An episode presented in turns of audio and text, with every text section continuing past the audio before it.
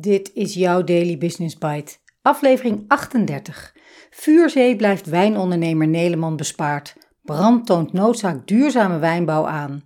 Een artikel van Bart Remmers op deondernemer.nl 8 juli 2022. En ik ben je host, Marja den Braber. Je luistert naar Daily Business Bites met Marja den Braber waarin ze voor jou de beste artikelen over persoonlijke ontwikkeling en ondernemen selecteert en voorleest. Elke dag in minder dan 10 minuten.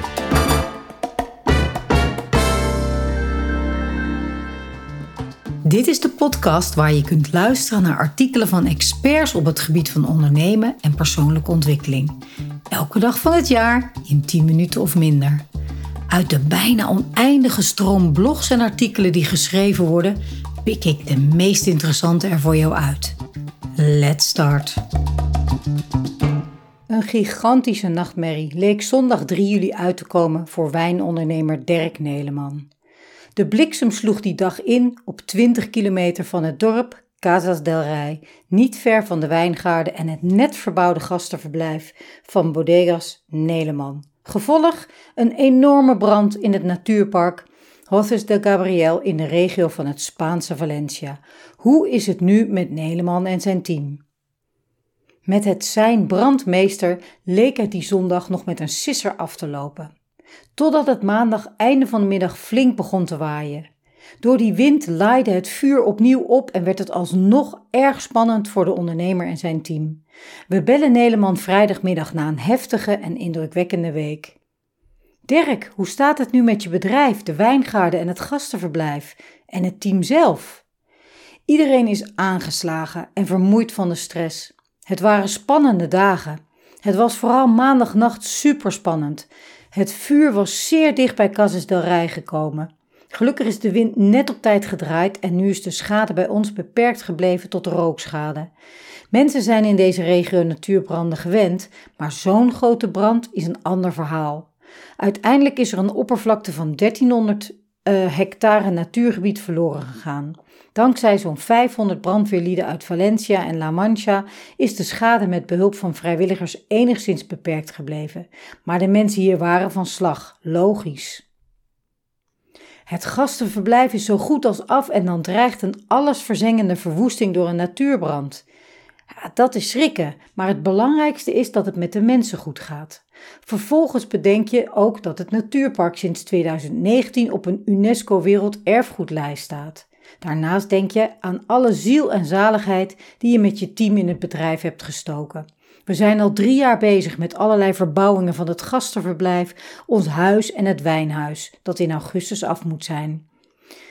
Wat zou het ironisch zijn wanneer je miljoenen hebt gestoken in de verbouwing en vlak voor de opening brandt alles tot de grond toe af. En dan die wijngaarden die werden bedreigd door het vuur. Hoe gaat het daarmee? Dat was ook spannend. Onze wijngaard met de beste druiven lag het dichtst bij het vuur. Gelukkig heeft de wijngaard het gered, net als onze andere percelen. Maar wanneer je kijkt naar de bomen die vlak bij die plek stonden, helemaal verbrand en zwart geblakerd van het vuur. Onderdeel van die 1300 hectare die in vlammen is opgegaan.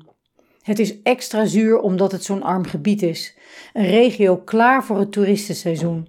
Burgers die net uit twee jaar corona-ellende komen. Men dacht dat alles al gehad te hebben. En dan ook nog eens een enorme natuurramp. Wat opvalt is dat we vooral de maatschappelijk betrokken en natuurliefhebbende Dirk Neleman horen praten en minder de ondernemer Dirk Neleman.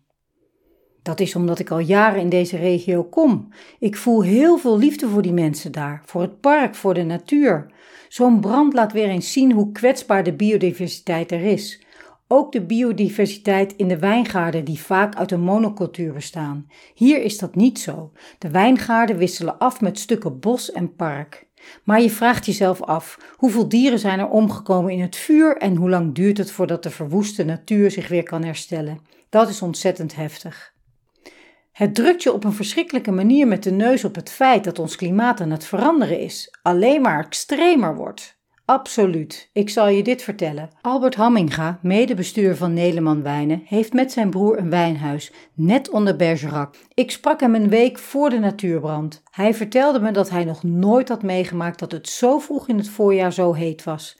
Kan je nagaan, zijn grootvader had de boerderij al in bezit. Hij komt er heel zijn leven al. Het was er zo warm dat hij maar tot elf uur in de ochtend op het land kon werken.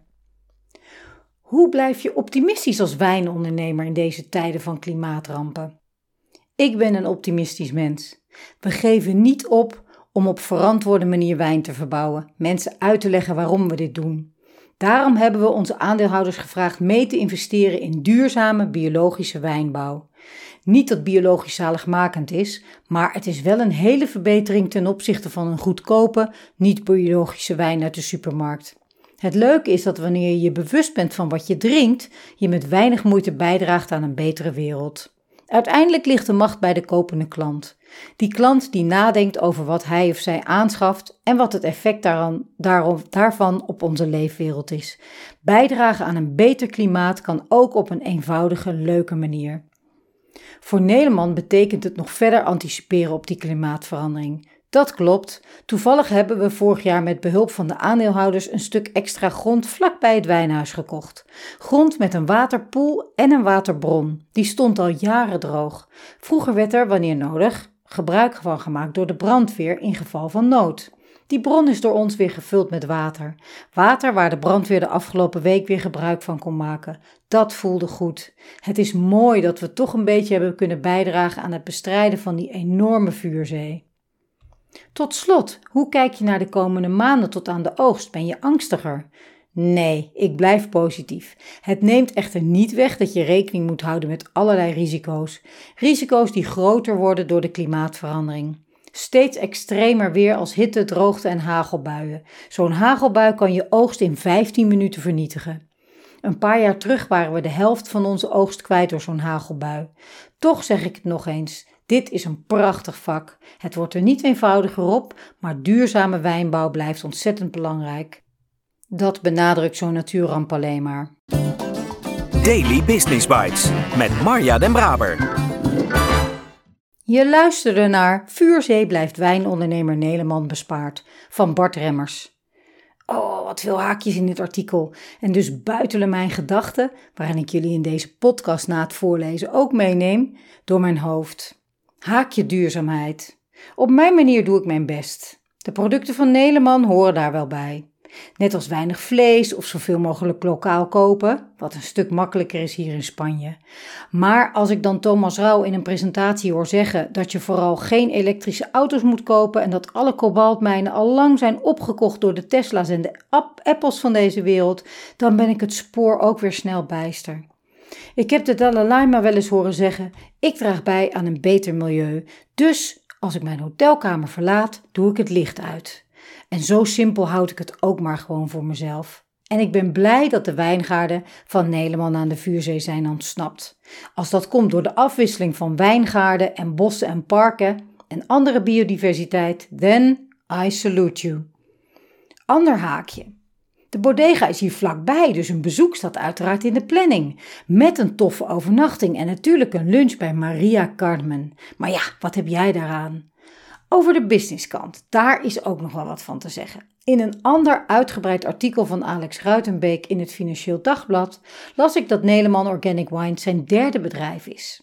Wijs geworden door eerdere ondernemingsavonturen, waarbij inmenging van private equity en het gevoel dat zijn creativiteit werd gesmoord door belangen van externe aandeelhouders er in beide gevallen voor zorgde dat hij uit dat bedrijf stapte, is Neleman Organic Wines 100% van hemzelf.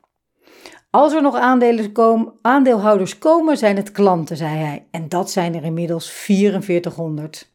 En als je dan tegen alle adviezen in just fucking good wine op de markt zet, dan ben ik om. Ik laat je weten wanneer de trip naar Casas del Rey gepland staat om op jou te toosten, luisteraar. En ik spreek je morgen.